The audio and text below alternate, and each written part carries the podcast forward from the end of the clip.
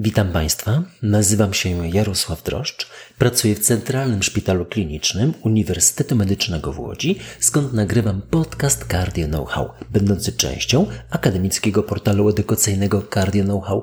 Jest on przeznaczony wyłącznie dla profesjonalistów i odzwierciedla wyłącznie moje osobiste poglądy.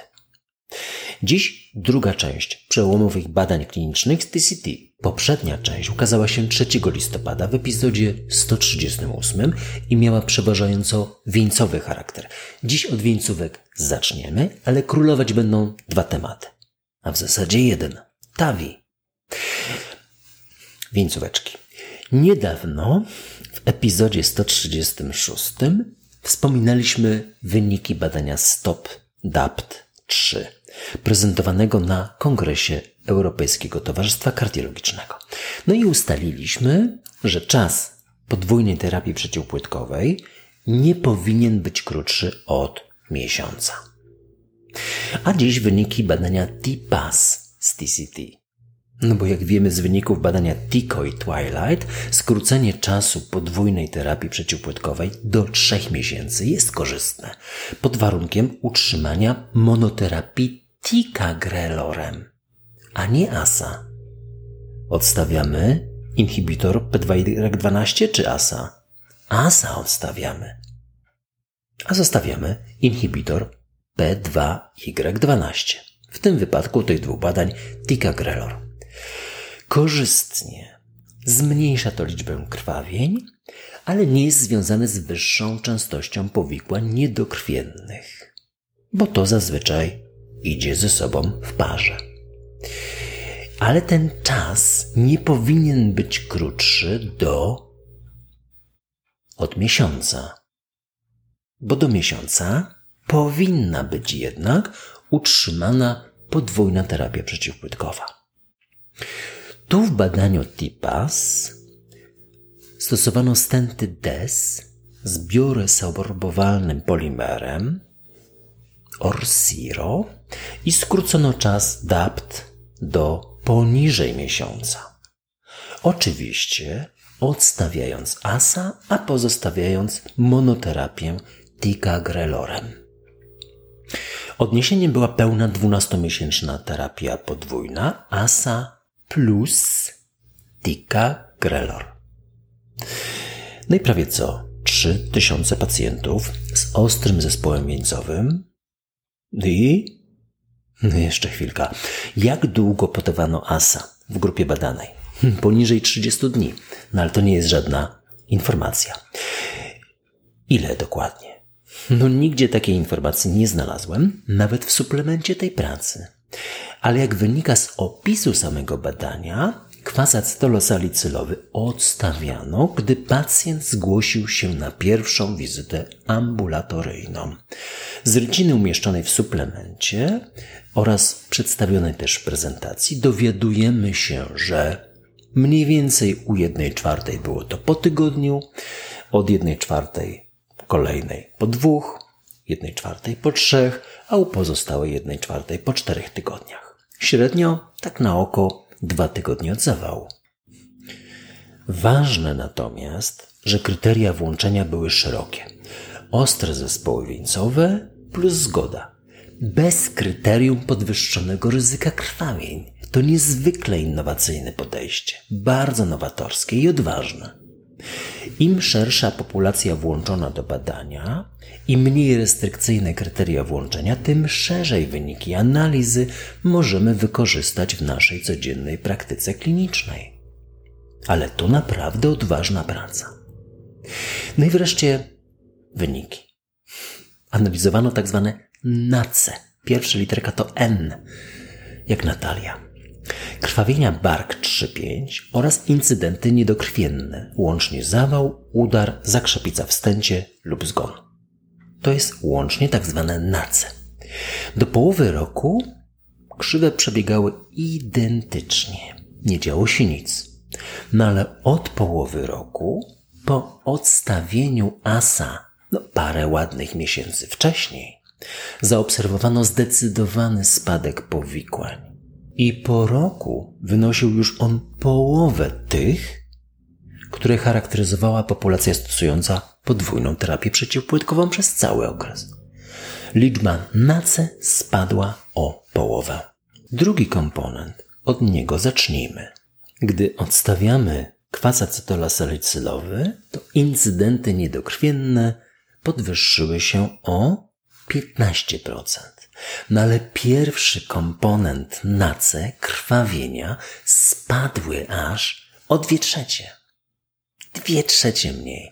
Autorzy zakładali, że koncepcja skrócenia podwójnej terapii przeciwpłytkowej do pierwszej wizyty pacjenta po zawale nie jest gorsza od 12-miesięcznej podwójnej terapii przeciwpłytkowej, a uzyskali wyniki, które ich i nas zaskakują, że ta krótka strategia leczenia DAPT z odstawieniem ASA i pozostawieniem ticagrelloru jest znacznie lepsza od 12-miesięcznej terapii. Ostry zespół wieńcowy, wszystkie wskazania, no trochę przeciwwskazań macie Państwo w pracy. Link jest w transkrypcie a transkrypt na Cardio Know-how. No i ważne, nowoczesne stenty z biodegradowalnym polimerem.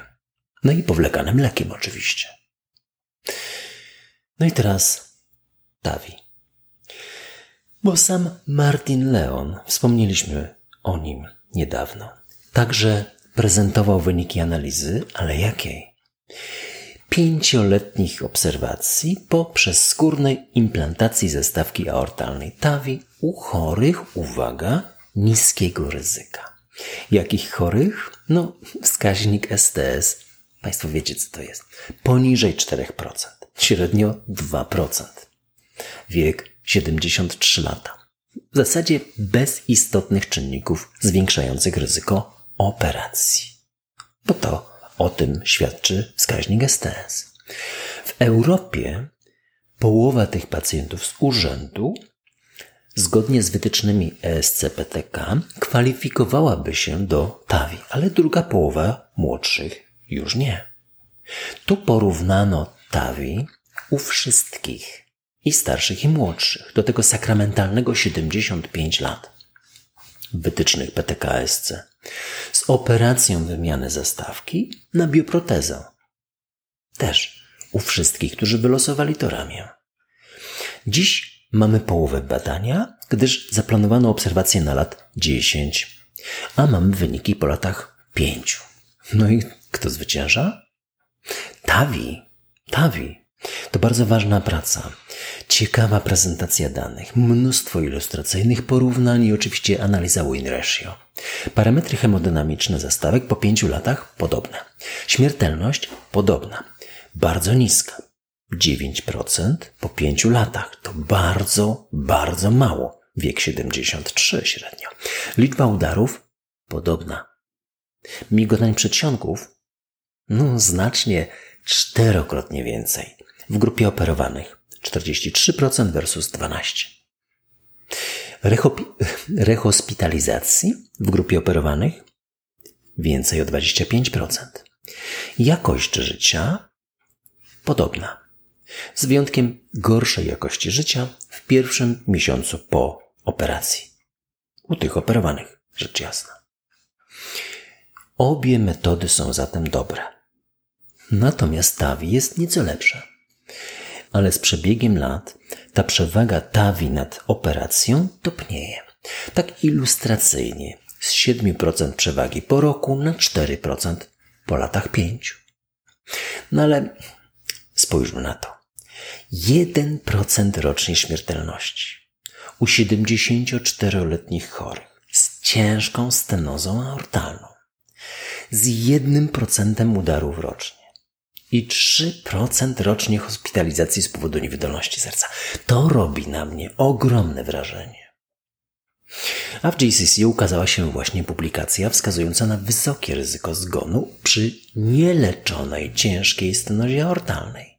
No jak wysokie? 45% w ciągu 4 lat. Tu, po zabiegu TAVI, jest ponad dziesięciokrotnie niższe. Pełna publikacja w NAME, link jest w transkrypcie.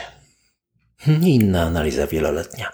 Podobne zasady TAVI Evolut versus operacja. Średniowieku 75 lat.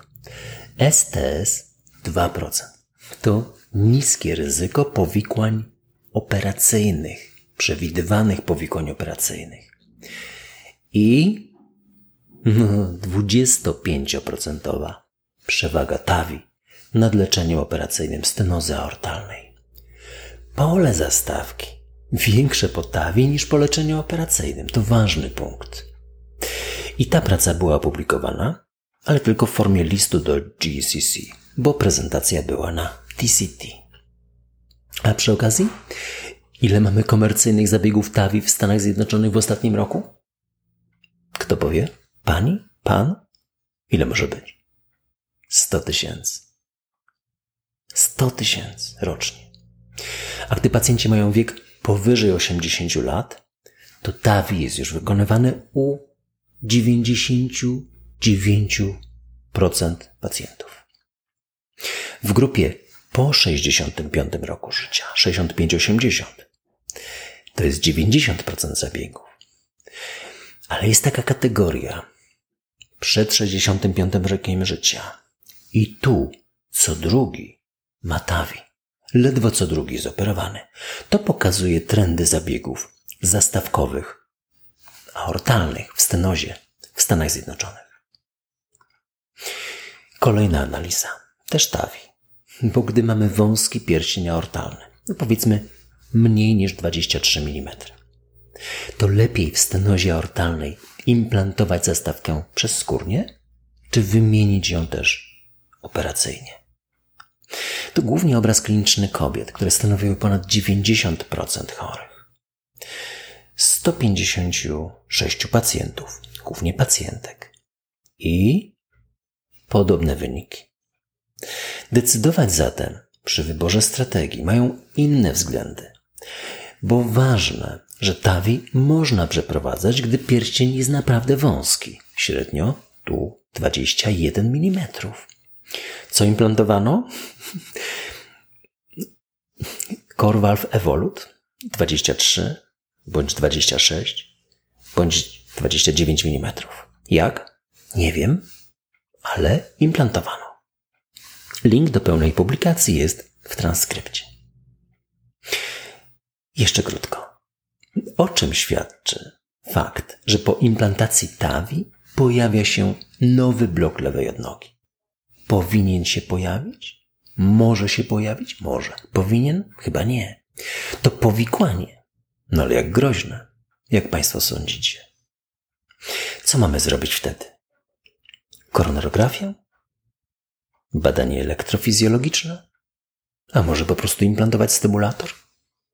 A może CRT? A może już CRTD? I na to pytanie przynosi odpowiedź prezentacja z TCT z rejestru NCRD STS łamane przez ACC i na końcu jeszcze TVT. Ciężko to wymienić w formie jednego słowa. Na początku trzeba przyznać, że zaburzenia przewodzenia, głównie wysoki stopień bloku AV lub LBBB właśnie, to najczęstsze powikłania potawi. 156 tysięcy pacjentów bez kardiostymulatora, bez zaburzeń przewodnictwa przed zabiegiem TAVI i ze spodziewanym czasem przeżycia powyżej roku, bo taka była analiza. No i pięć kwestii. Pierwsza. Jak często pojawia się blok lewej odnogi w powyższej grupie? Bez kardiostymulatora i bez bloku przed TAVI. 20%. Tuż po zabiegu. Na szczęście u 5% się wycofuje po roku. Pozostaje zatem po roku odsetek 15% trwałych bloków lewej odnogi. To nie mało. Druga kwestia. No u kogo się pojawi? Czynniki ryzyka?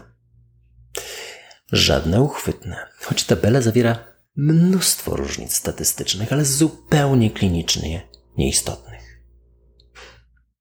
Kwestia trzecia. Jakie to ma przełożenie na indywidualne ryzyko? Ma, ale niewielkie. Takie o 22%. Z 7,5% powikłań po roku na 9%. To i tak niewiele, patrząc na populację chorych. Kwestia czwarta. Czy ma to związek z ponowną hospitalizacją, koniecznością hospitalizacji? Tak, niewiele. O 26%. Ja to widzę tak, że u prawie 3 czwartych chorych z nowym LBBB hospitalizacji przez rok nie będzie. I ostatnia kwestia, piąta. Implantujemy stymulator? Choć statystyka mówi, że wskazania nabędzie trzy razy więcej chorych, to i tak zdecydowana większość, szanowni państwo, 93% przeżyje rok bez kwalifikacji i bez stymulatora. Nie mam też pewności, czy to ten nowy blok lewej odnogi nie stanowił wskazania do implantacji prewencyjnej u części z tych 7%, u których doszło do implantacji, bo bez bloku lewej odnogi mamy 2% implantacji nowych kardiostymulatorów rocznie. Nie muszę Państwu mówić, że wnioski autorów tej analizy były zupełnie inne niż moje, gdyż to naukowcy są, a nie praktycy. Może też praktycy, ale bardziej naukowcy. Ja jestem prosty lekarz. I dla mnie 7-9% w tej grupie pacjentów to rzadko, a 90-93% u zdecydowanej większości chorych nie ma. Nie powinno być nic niepokojącego w nowym bloku lewej odnogi, choć istotnie nieco pogarsza to rokowanie, nieco zwiększa ryzyko implantacji kardiostymulatora. No, tyle. Cieszy tylko pierwszy wniosek. Występowanie nowego bloku lewej odnogi u chorych po TAVI zmniejsza się na przestrzeni ostatnich pięciu lat. Widzimy to coraz, coraz rzadziej. Wiecie Państwo, wyniki badań klinicznych okiem naukowca i lekarza praktyka to jednak jest różnica. Dlatego wspominam na początku, że to moje opinie, mój podcast i ja biorę za niego pełną odpowiedzialność. Kolejne badanie. Panteon. To już można wypowiedzieć. Panteon Project właściwie. Czy można implantować TAVI, gdy mamy czystą niedomykalność zastawki aortalnej? Oczywiście, że można. Choć zaleca się te zabiegi na razie jedynie u chorych, którzy nie są kandydatami do leczenia operacyjnego. Ta prezentacja pochodziła z Włoch, z Mediolanu. Kolebki tej techniki w tym wskazaniu. Jaka jest etiologia niedomykalności zestawki aortalnej? No ponad połowa to zmiany degeneracyjne. Jedna czwarta to poszerzenie pierścienia. Implantować tam zastawkę? Hmm, wyzwanie. Pierwsza publikacja na ten temat pojawiła się 10 lat temu i też pochodziła z Włoch, no i też z Mediolanu. Autor wskazał wówczas, że wyniki TAVI w tym wskazaniu są gorsze od wyniki TAVI w stenozie aortalnej. To żadne zaskoczenie bo to znacznie lepsze było, to TAVI w niedomykalności, niż próba leczenia zachowawczego.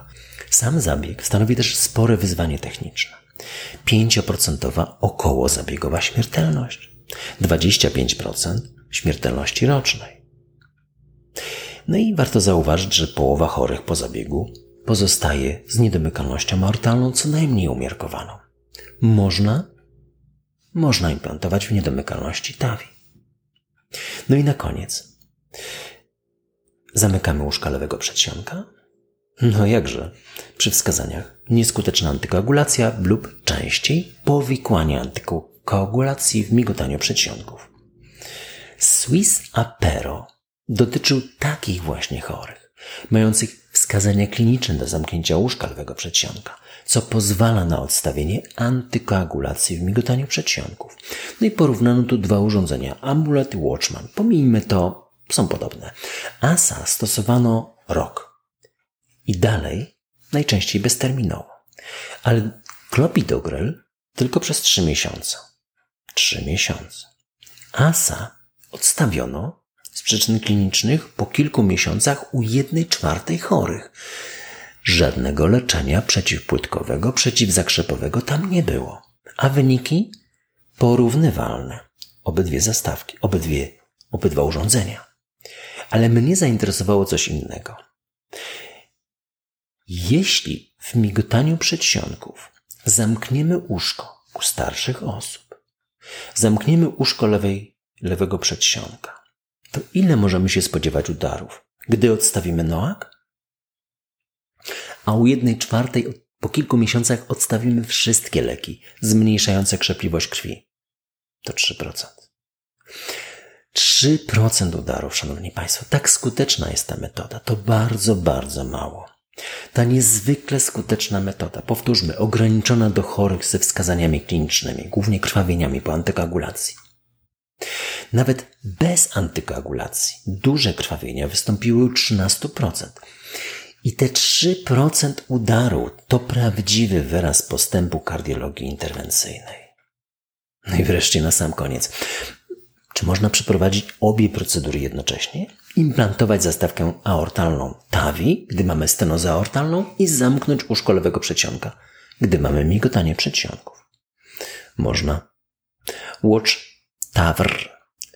To R to mnie trochę dziwi, bo to jest jakby wymienić tą zastawkę. TAVI, implantujemy ją przecież, ale Amerykanie mówią TAVR, a my mówimy TAVI. A dlaczego myślimy o tym, żeby połączyć te dwie procedury? No bo połowa chorych z TAVI, czy do TAVI, ma migotanie przedsionków. No i jesteśmy przecież już w środku, w sercu. Nie po tej stronie wprawdzie, ale blisko. Jeden zabieg, dwa w jednym. 350 chorych randomizowanych do TAVI versus TAVI plus LAAO. Zamknięcie łóżka lewego przedsionka. I nieznaczna przewaga tej drugiej strategii. Nieistotna statystycznie. No a towarzyszy temu jedenastokrotnie wyższa częstość zakrzepicy żylnej, gdyż tu najczęściej odstawiamy noak. VK, a licho nie śpi po stronie tętniczej i żylnej naszego krążenia. Tętniczą mamy opanowaną, żylną nie. Wprawdzie to tylko uwidacznia się u 5% chorych. No ale zawsze krzywe przeżycia bez zmian. Stąd według mnie, tak u wszystkich, to nie warto łączyć obu procedur.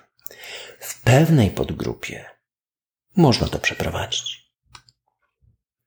Jeśli Państwo będziecie mieli jakieś uwagi, komentarze, pytania, kierujcie na media społecznościowe Cardio Know-how. Będę też Państwu bardzo wdzięczny za promocję podcastów wśród lekarzy oraz komentarz, choćby jednym słowem i oceną. Slawa Ukraini!